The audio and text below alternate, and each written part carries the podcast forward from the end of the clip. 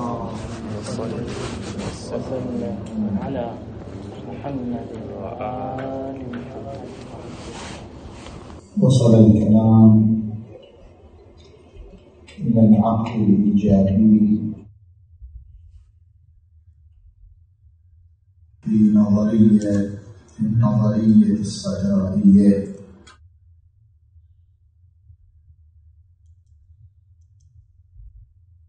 وخلاصة العقل الإيجابي.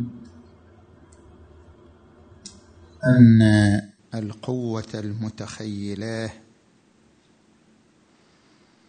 التي هي إحدى قوى النفس تلتقط المحسوسات وتصوغ منها صورا.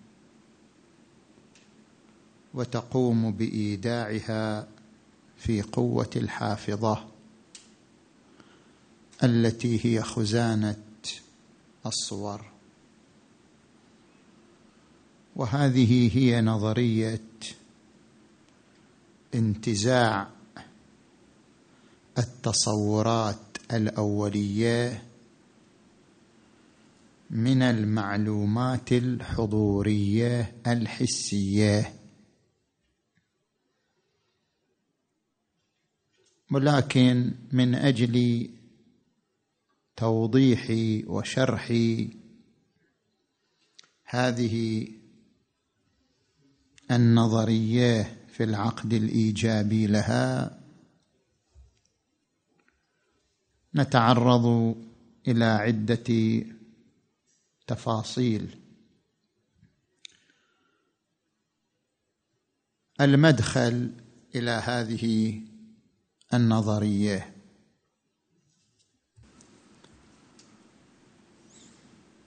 إن النظريات أي الأفكار النظرية مكتسبة من البديهيات. مثلا عندما نقول الموت والحياة نقيضان. والنقيضان لا يجتمعان. اذا الموت والحياة لا يجتمعان.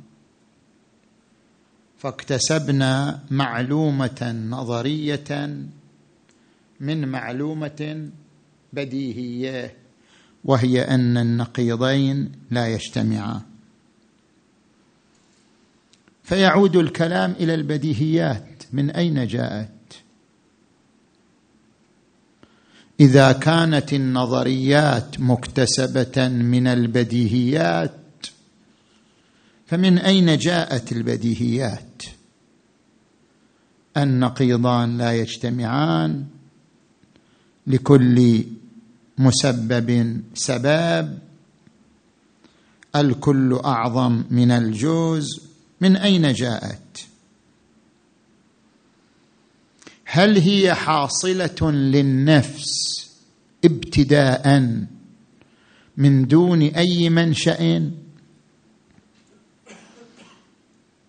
وهذا منفي بالوجدان حيث إن الإنسان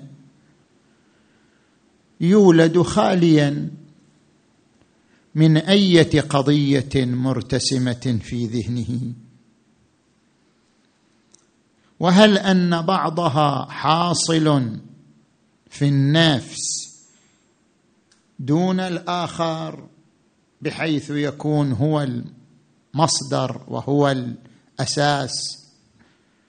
كأن يقال إن قضية النقيضان لا يجتمعان هي الحاصلة في النفس منذ البداية وهي مصدر سائر القضايا.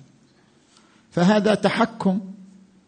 لا وجه له لأن القضايا الأخرى في عرضها. كما أن هناك قضية النقيضان لا يجتمعان هناك قضية لكل معلول علة هناك قضية الكل أعظم من الجوز. قضايا متعددة وهي في عرض واحد. فلماذا هذه القضية هي الحاصلة وجدانا والباقي منتزع منها؟ وإن قيل إن القضايا البديهية قد حصلت عن كسب أيضا يعني هي مكتسبة أيضا من قضايا قبلها. لزم التسلسل والذهاب إلى ما لا نهاية إذ كل قضية مكتسبة من قضية قبلها وهكذا لما لا نهاية بحيث لا تقف عند قضية معينة. فما هو الجواب؟ فهذا هو مركز السؤال الملح على أي مدرسة فلسفية. النظريات مكتسبة من البديهيات فما هو منشأ البديهيات؟ هل هو النفس والنفس خالية منها بالوجدان؟ أم أنها مكتسبة من قضايا أخرى؟ فرجع السؤال إلى القضايا الأخرى. أم يلزم التسلسل لما لا نهاية؟ وهنا تصدت المدرسة الصدرائية كسائر المدارس الفلسفية للإجابة عن هذا السؤال. بأن الخيوط الأولية للمعارف التصورية جاءت عبر نظرية الانتزاع. انتزاع التصورات الأولية من المعلومات الحضورية. زين. كيف حصل هذا الانتزاع؟ الآن نتحدث عن الخطوات التي يرى بحسب هذه المدرسة أنها خطوات مر عليها قانون الانتزاع فوصل إلى النتيجة وهي انتزاع المعلومات الحصولية من المعلومات الحضورية. الخطوة الأولى. في الفرق بين العلم الحصولي والعلم الحضوري. والفرق بين العلمين من جهتين. الجهة الأولى العلم الحصولي متقوم بالاثنينيه بين المعلوم بالذات والمعلوم بالعرض. فلو تصور الإنسان صورة الشمس فهناك اثنان. ما هو المعلوم بالذات؟ هو الصورة. وأما الشمس في واقعها الخارجي فهي معلوم بالعرض. فحيث إن لدينا اثنين معلوم بالذات وهو الصورة معلوم بالعرض وهو الواقع الخارجي عبر عن ذلك بأنه علم حصولي. بمعنى أن الإنسان لم يحصل على العلم بالشمس الخارجية إلا عن طريق حصول صورتها. بينما المعلوم الحضوري متقوم بالعينية مقابل الاثنينية أي أن المعلوم بالذات هو نفسه. المعلوم الآخر. ما في شيئان. لا يوجد اثنان. مثلا علم الإنسان بإرادته. علم الإنسان بمشاعره. ما في شيئين. علمي بمشاعري هو نفس وجود مشاعري عندي. ما عندي شيء آخر. لا واسطة بيني وبين مشاعري. حتى صورة الشمس. علمي بالشمس علم حصولي. أما علمي بصورة الشمس علم حضوري. لأن صورة الشمس حاضرة بنفسها لا بواسطة أخرى. فالعلم بالصورة حضوري والعلم بذي الصورة حصولي. بين العلم وذي الصورة اثنينية لكن بين العلم والصورة عينية ولا يوجد اثنينية. الجهة الثانية التي تتفرع على الجهة الأولى في الفرق بين العلم الحصولي والعلم الحضوري أن العلم الحضوري لا تتدخل فيه قوة ولا آلة. ما يحتاج إلى شيء. إنما العالم يدرك واقع المعلوم. ما يحتاج إلى أي آلة يستخدمها حتى يدرك المعلوم. وأما في العلم الحصولي فلا بد من قوة من قوى النفس تتدخل. أريد أعلم بشيء محسوس؟ استخدم الحواس. أريد أعلم مثلا بشيء وجداني عن طريق صورته لا عن طريق ذاته. أستخدم القوة المتخيلة. وهكذا. العلم الحصولي يحتاج إلى تدخل قوة. زين. هذا هو الفرق بين العلم الحصولي والعلم الحضوري. هذه هي الخطوة الأولى من خطوات قانون الانتزاع. نجي إلى الخطوة الثانية. البيان الإجمالي لقانون الانتزاع. البيان الإجمالي لقانون الانتزاع يعني أن هناك عناصر ثلاثة يمر بها قانون الانتزاع. العنصر الأول القوة المدركة التي عملها التصوير. عندي قوة مدركة وهي الباصرة العين الباصرة. عملها أن تقوم كما تقوم الكاميرا بالتقاط صورة عبر شبكية العين إلى أن تصل هذه الصورة إلى الدماغ. القوة المدركة التي عملها التصوير ليس لها وجود مستقل عن النفس. لأنها قوة من قوى النفس. فبما أنه ليس لها استقلال عن وجود النفس لا يمكن لها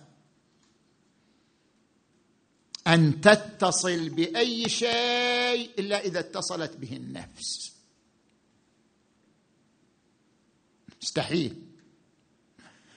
الآن القوة الباصرة متصلة بالكتاب بالمباشرة. لا يمكن للقوة المباشرة أن تتصل بالكتاب ما لم يكن اتصال بين النفس وبين الكتاب لأن القوة الباصرة هي قوة من قوى النفس. وقد سبق في الجلسة الماضية قلنا وفعلها في فعله قد انطوى. أصلا فعل القوة الباصرة هو فعل النفس رؤية القوة الباصرة هو رؤية من قبل النفس. فلا يمكن للقوة الباصرة أن تتصل بالمحسوس البصري. ما لم يكن هناك اتصال وجودي بين النفس وبين ذلك المحسوس. زين. العنصر الثاني اتصال القوة الباصرة. بالكتاب عن طريق صورة. التقطت صورة نقلتها إلى الدماغ. ولكن اتصال النفس بالكتاب بأي نحو؟ قال هذا اتصال حضوري. كيف حضوري؟ هذا كتاب وهذه نفس. كيف يكون الكتاب حاضرا عند النفس؟ إرادتي مشاعري صور ذهني حاضرة عندي معقولة؟ أما هذه الأشياء الخارجية حاضرة لدى النفس بحيث يكون نيل النفس لها نيلا حضوريا. كيف هذا يصير؟ هو هذا ما يريد أن يتكفل البحث به أن يثبت هذا أن هناك علما حضوريا وصلة حضورية بين النفس وبين المدركات. العنصر الثالث القوة المدركة التي تسمى بقوة المتخيلة. هي التي تبدل الاتصال الحضوري باتصال حصولي. الناس أدركت الكتاب إدراك حضوري وجاءت القوه المتخيلة أبدلت هذا الاتصال الحضوري بين النفس وبين الكتاب حولته إلى اتصال حصولي. أي حولته إلى صورة مرتسمة في أفق قوة تسمى بالحافظة. هذا هو جوهر جوهر جوهر الفرق بين المدرسة الصدرائية والمدارس الأخرى. هنا أن هناك اتصال من النفس. بالأشياء اتصال حضوري. وعند النفس قوة متخيلة تستخدمها النفس تحول هذا الاتصال الحضوري إلى اتصال حصولي. يعني تنتقش منه صورة تنتزع منه صورة. هذا البيان الإجمالي لقانون الانتزاع. نجي الآن إلى الخطوة الثالثة ألا وهو البيان التفصيلي لقانون الانتزاع. زين. ما هو البيان التفصيلي لقانون الانتزاع؟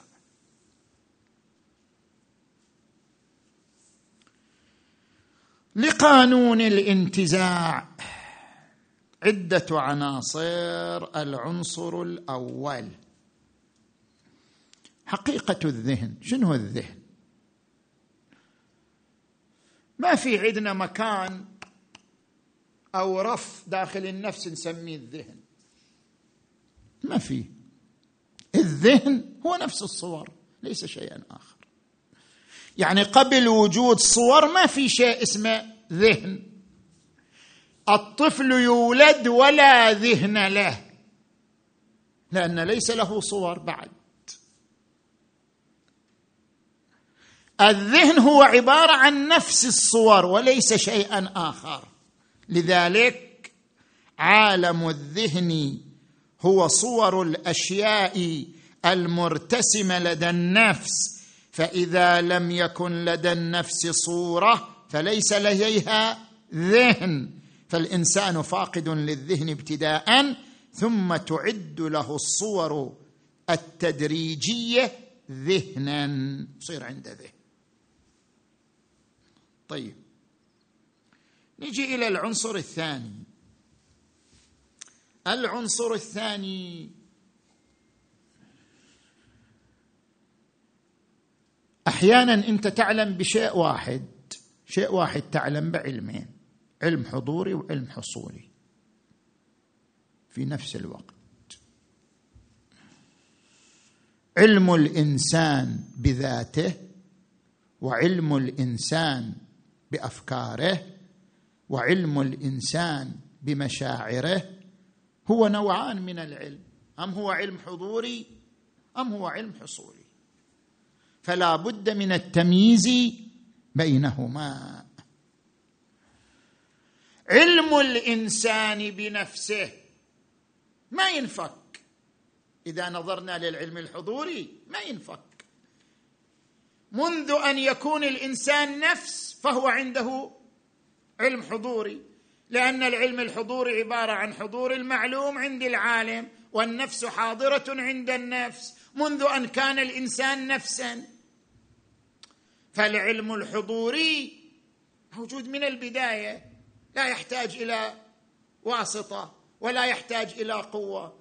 علم الإنسان يولد الطفل. ولديه لذة بقرب أمه منه. ولديه ألم إذا غابت أمه عنه. هذا كله علم حضوري. لكن القوة المتخيلة الطفل يبدأ يشعر بشيء اسمه أم. هنا تأتي القوة المتخيلة فترسم صورة في ذهنه عن الأم. كذلك نفس الطفل. الطفل يدرك نفسه ابتداء بالعلم الحضوري. لكن عندما يقول من أنا؟ تبدأ القوة المتخيلة تنقش صورة عن نفسه فيكون علمه بنفسه مضافا للعلم الحضوري علما حصوليا يعني عن طريق رسم صورة في نفسه. زين.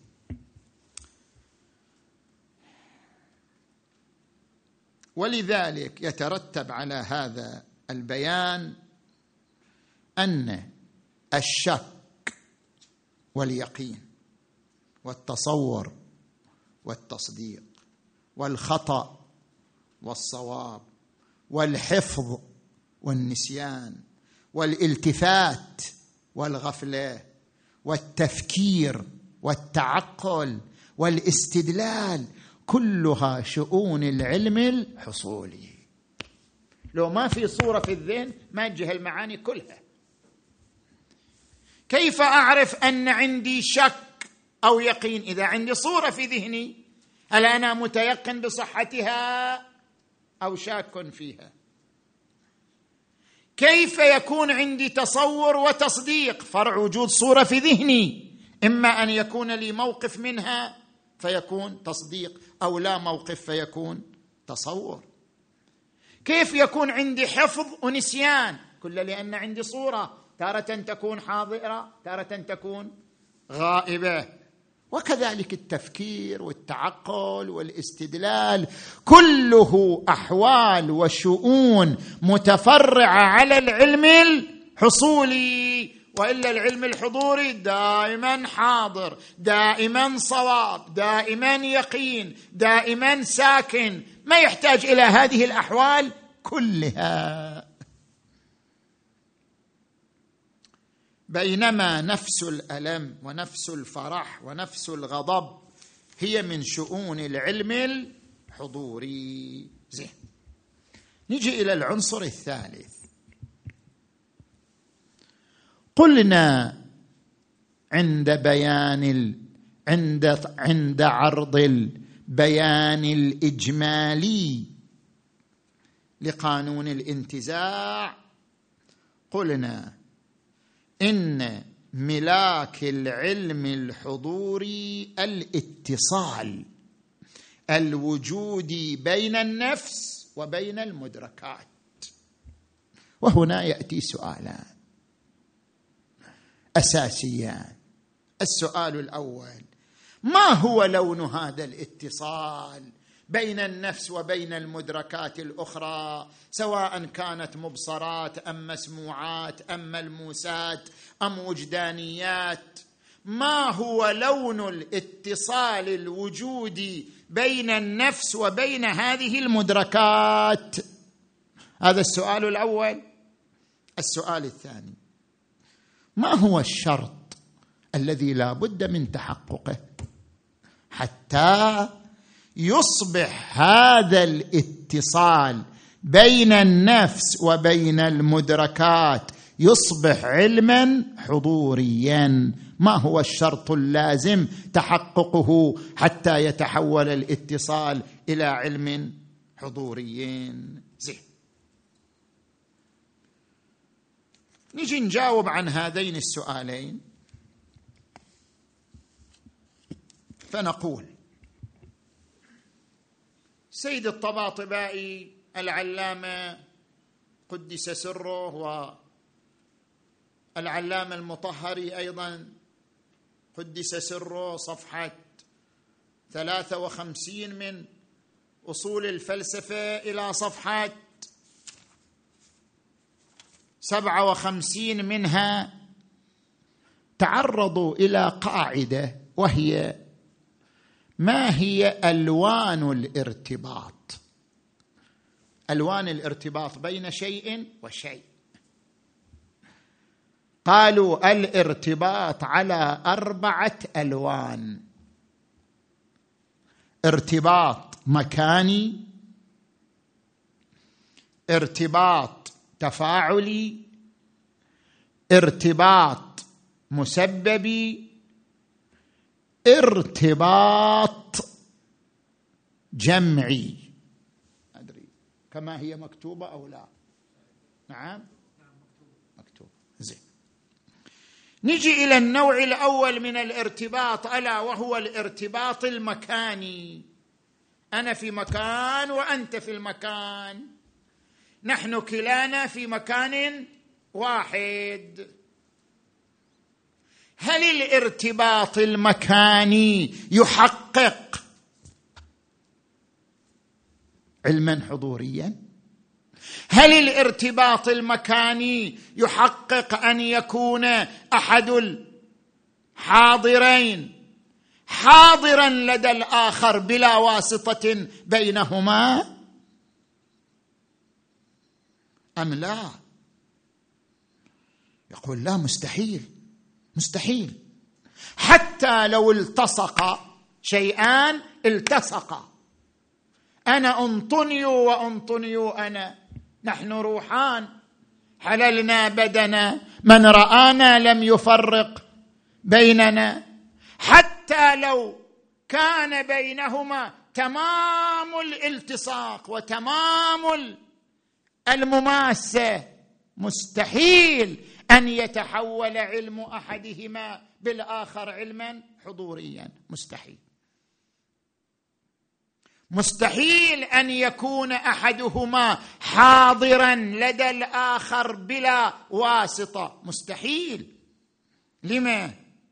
يقول ما دام كل منهما مكاني اذا كل منهما يشغل حيزا من الفضاء. صح؟ كل منهما يشغل حيز من الفضاء. وبما أن كلا منهما يشغل حيزا من الفضاء فمن المستحيل أن يجتمع الشيئان ويحتلان معا فضاء واحدا. مستحيل. هذا خلف كونهما شيئين. ما دام نقول شيئين اذا لكل منهما فضاء. مستحيل أن يشغلا فضاء واحدا. هو لهذا وحده وهو لهذا وحده. هذا مستحيل. زين. إذا كان مستحيل يقول حتى الشيء الواحد. الآن جسمي جسمي نفترضه شيء واحد. كل جزء من يحتل جزءا من الفضاء. ولا تجتمع الأجزاء في فضاء واحد بالضرورة. مقتضى الأبعاد والامتدادات أن لكل جزء فضاء. النتيجه النتيجه لاحظ هالعبارة الدقيقة. يقول كون الشيء مكانيا هو مناط احتجابه وليس مناط اكتشافه. أصلا كونه في فضاء هذا حاجب مو كاشف. كون الشيء مكانيا مناط احتجابه لا مناط اكتشافه. لأن بمجرد أن يكون في الفضاء صار هذا البعد حاجزا بيني وبينه.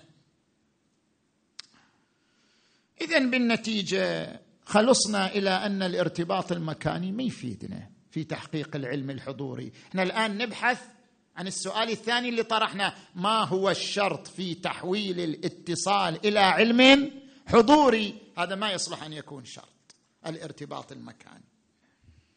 القسم الثاني من الارتباط الارتباط التفاعلي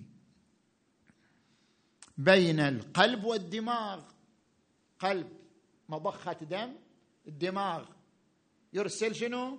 إشارات وأوامر إلى أعصاب الجسم وخلاياه بين القلب والدماغ ارتباط تفاعلي كل منهما يحتاج إلى الآخر. بين الزهرة والنحله النحله قد تلقح الزهرة لكنها تعتمد أيضا على رحيق الزهرة. بينهما ارتباط تفاعلي. إلا أن الارتباط التفاعلي ابدا لا يقتضي علم أحدهما بالآخر علما حضوريا.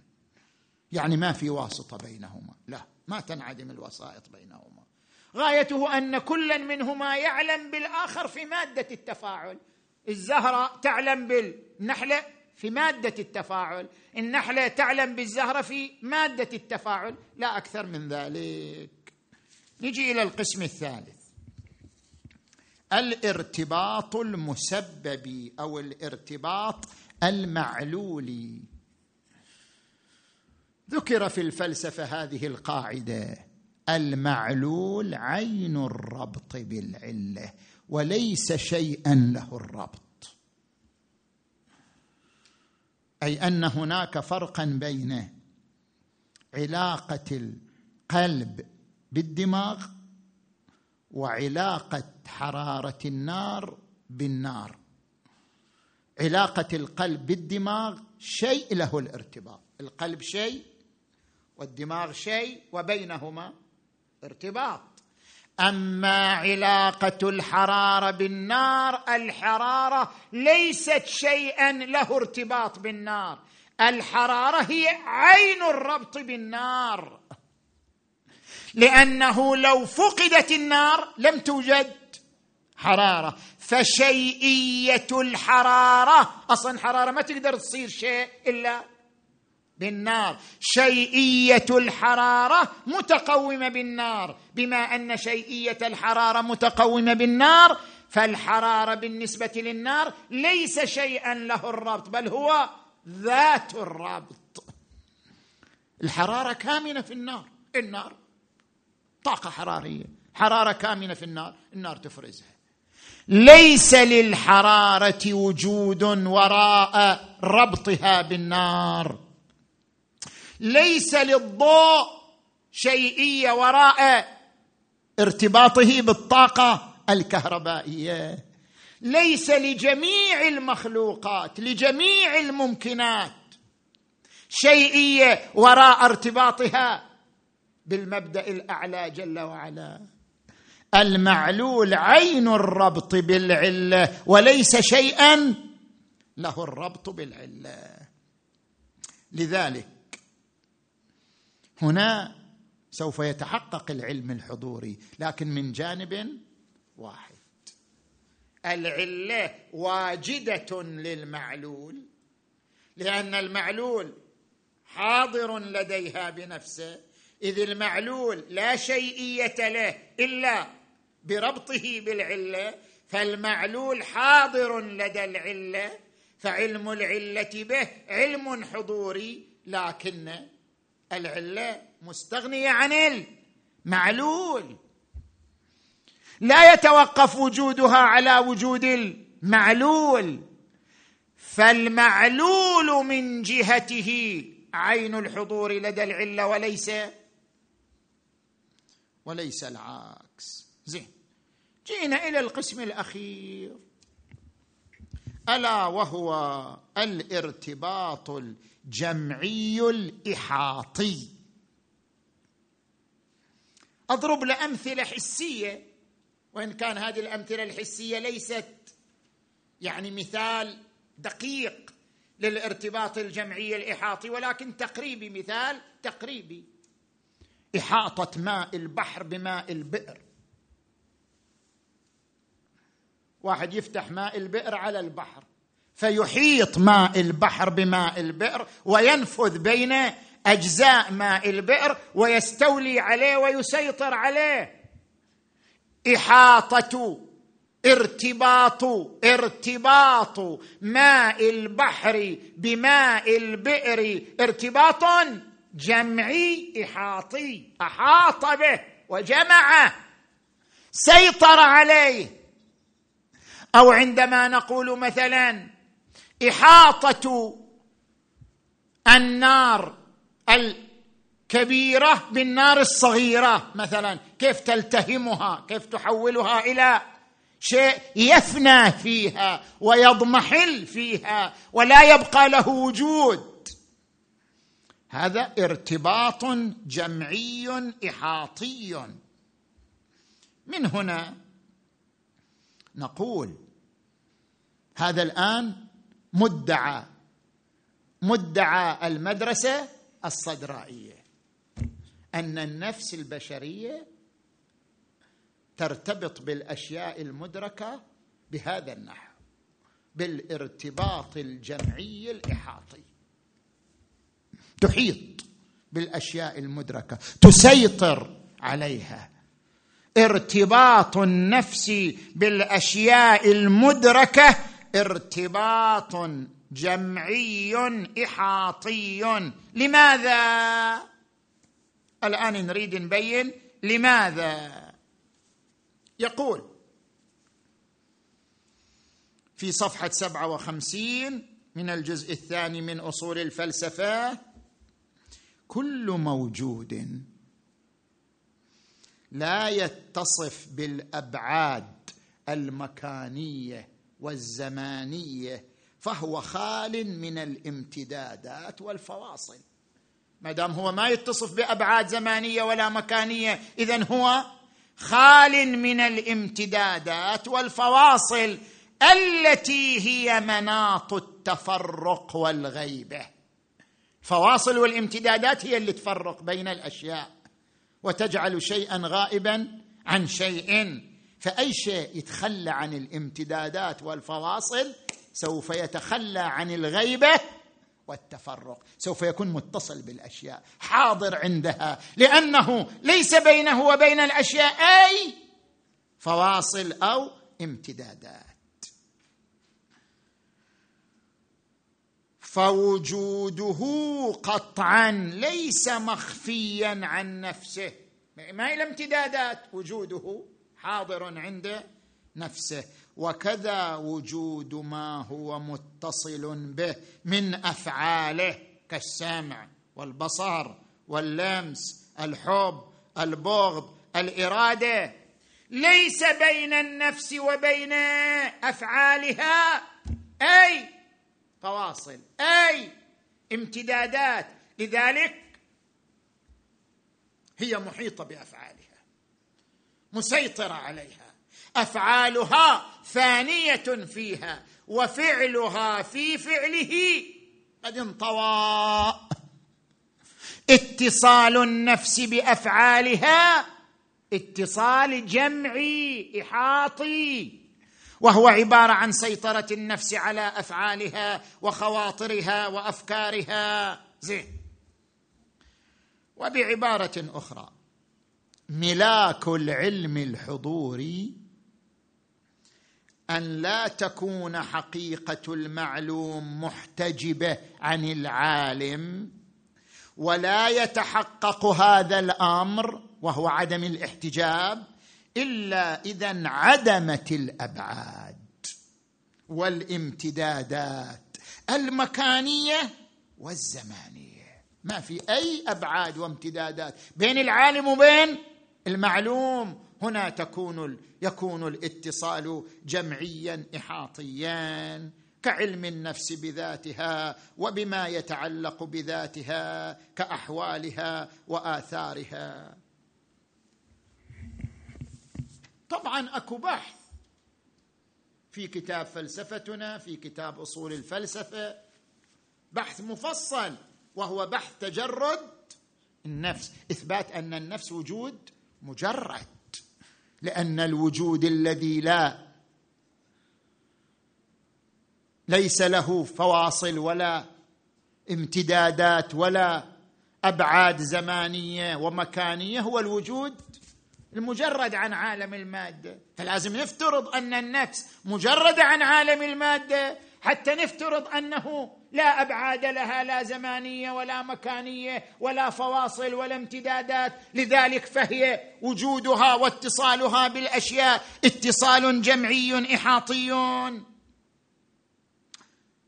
يقول في صفحة 54 نرجع. جملة أقرأها. ترتبط بتجرد النفس. إحنا الآن ما نريد نقيم البرهان على تجرد النفس. هذا بحث مستقل ولكن هذه الجملة لا بد منها. النفس تدرك العالم.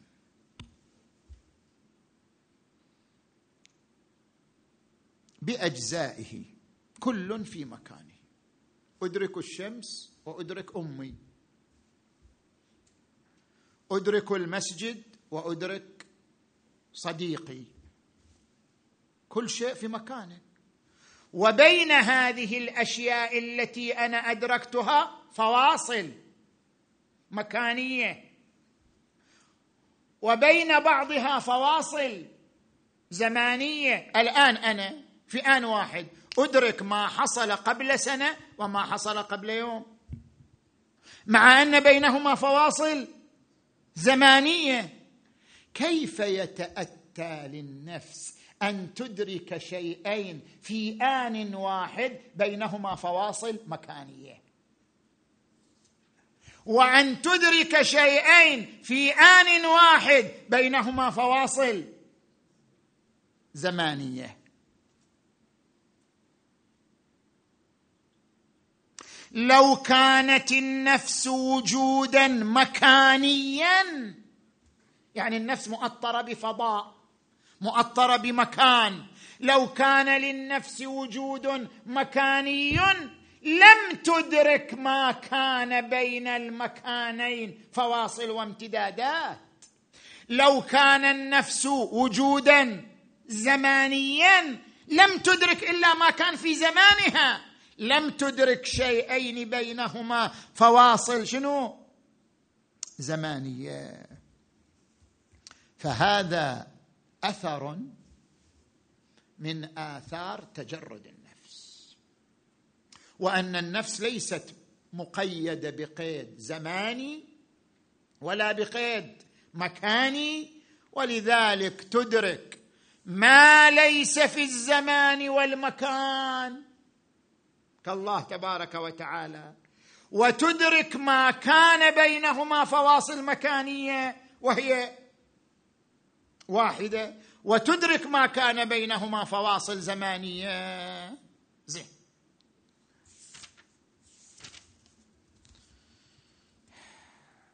والنتيجة؟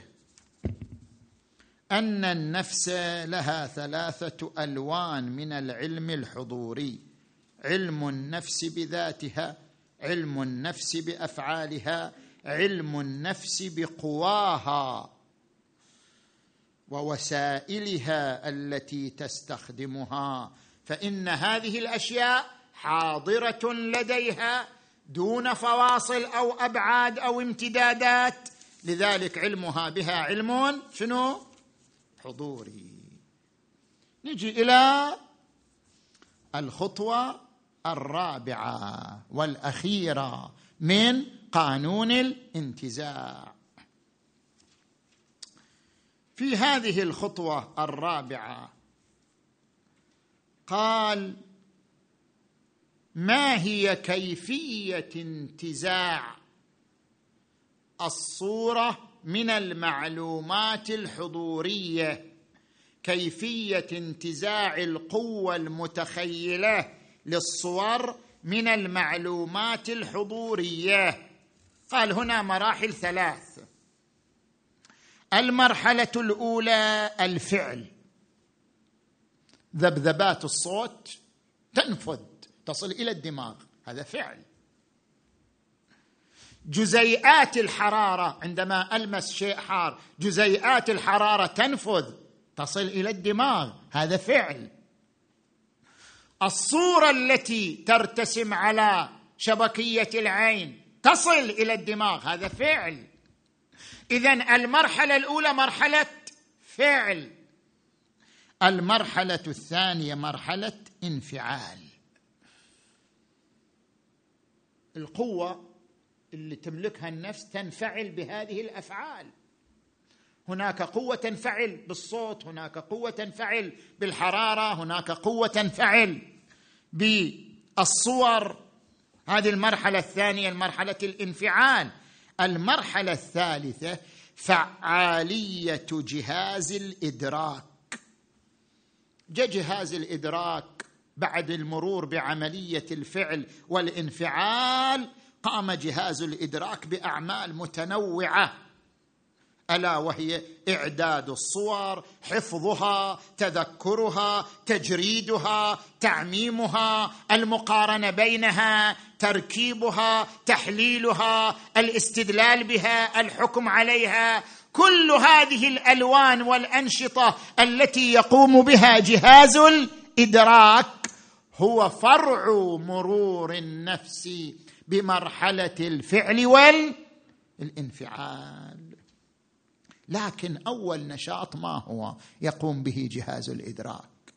أول نشاط هو عبارة عن عمل القوة المتخيلة التي تقوم هذه القوة بإعداد الصور إلى النفس ثم تنقلها إلى الحافظة. جئنا إلى النهاية. الحكاية اللي بديناها من أول سطرين. فش قد حكينا فيها؟ وما يحتاج هذا كله. الحكاية اللي بداناها من الأول بسطرين انتهينا إليها فيما ذكره السيد الطباطبائي في متن أصول الفلسفة. ما هي الخلاصة؟ الخلاصة أننا نعلم بأنفسنا وقوانا وأجهزة إدراكنا وأفعالنا الإرادية علما حضوريا. هذا واضح. هذا إلى هذا المقدار واضح. لأن ما بيننا وبين هذه الأشياء أي فواصل وأي امتدادات. وأن المحسوسات. هذه النقطة لازم منها حتى يتم الاستدلال حتى تتم النظرية. وأن المحسوسات موجودة بواقعها في الحواس. مو بصورة. يعني علم الحواس بالمحسوسات علم حضوري. مو عبر صورة.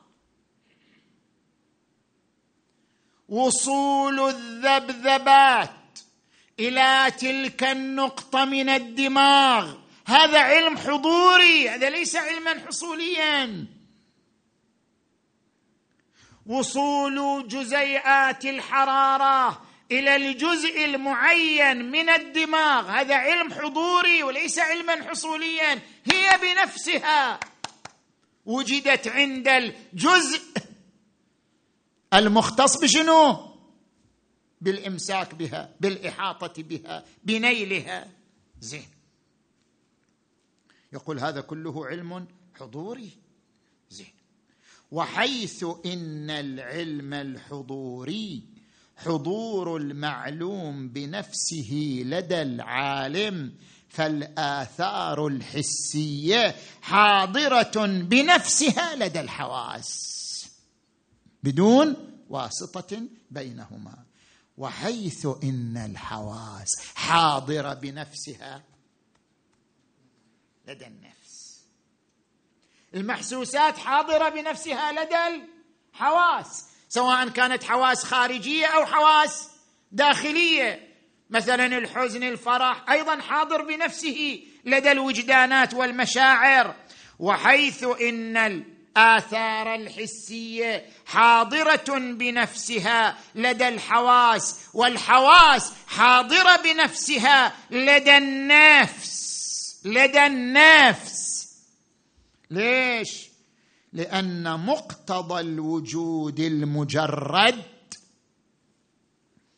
أن تكون نسبة النفس لهذه المحسوسات التي حضرت عند الحواس. نسبة النفس لهذه المحسوسات نسبة الوجود الجمعي الإحاطي.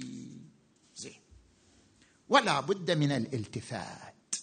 إلى أن العلم الحضوري لا يستطيع بنفسه أن يولد علما حصولي. هذه كلها الآن علم حضوري.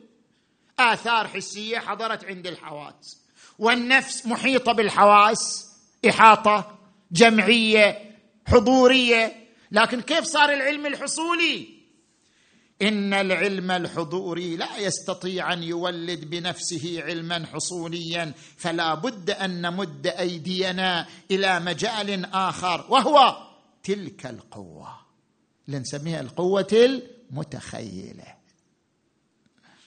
التي تسلطت على الظواهر الحسية فأدركت هذه المعلومات الحضورية. القوة المتخيلة تدرك المحسوسات ادراكا حضوريا.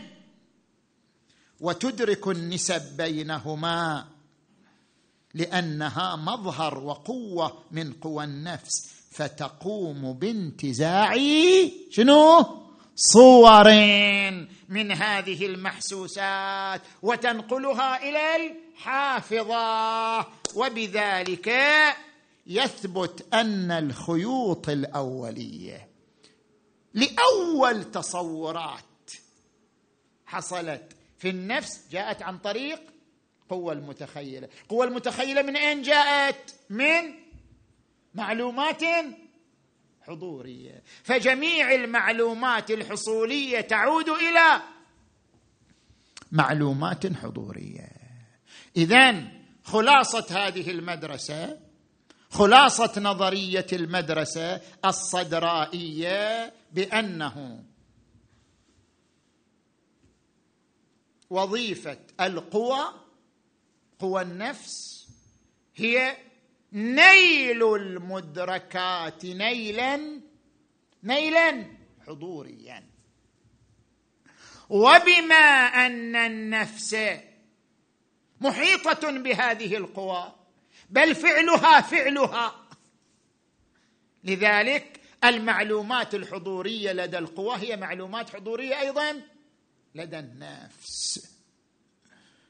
وإنما تنتقش الصور والله أخرجكم من بطون أمهاتكم لا تعلمون شيئا لا تعلمون شيئا بالعلم الحصولي مو بالعلم الحضور موجود العلم الحضوري. وجعل لكم السام والأبصار والأفئدة لعلكم تشكرون. فقامت القوة المتخيلة ورسمت صورا من هذه المعلومات الحضورية. هذه خلاصة نظرية الانتزاع. بحسب شرح علامه الطباطبائي والشيخ المطهري قدس سرهما لكلام صدر الملا صدر الشيرازي. طبعا فيما يأتي سأعرض بيانا آخر للسيد الشهيد سيد محمد باقر الصدر في تحليل نظرية الانتزاع. يزيد عن هذا البيان ببعض التدقيقات وبعض الشواهد وإلا لب البيان جوهر البيان جوهر المعنى هو واحد. بلي والحمد لله رب العالمين.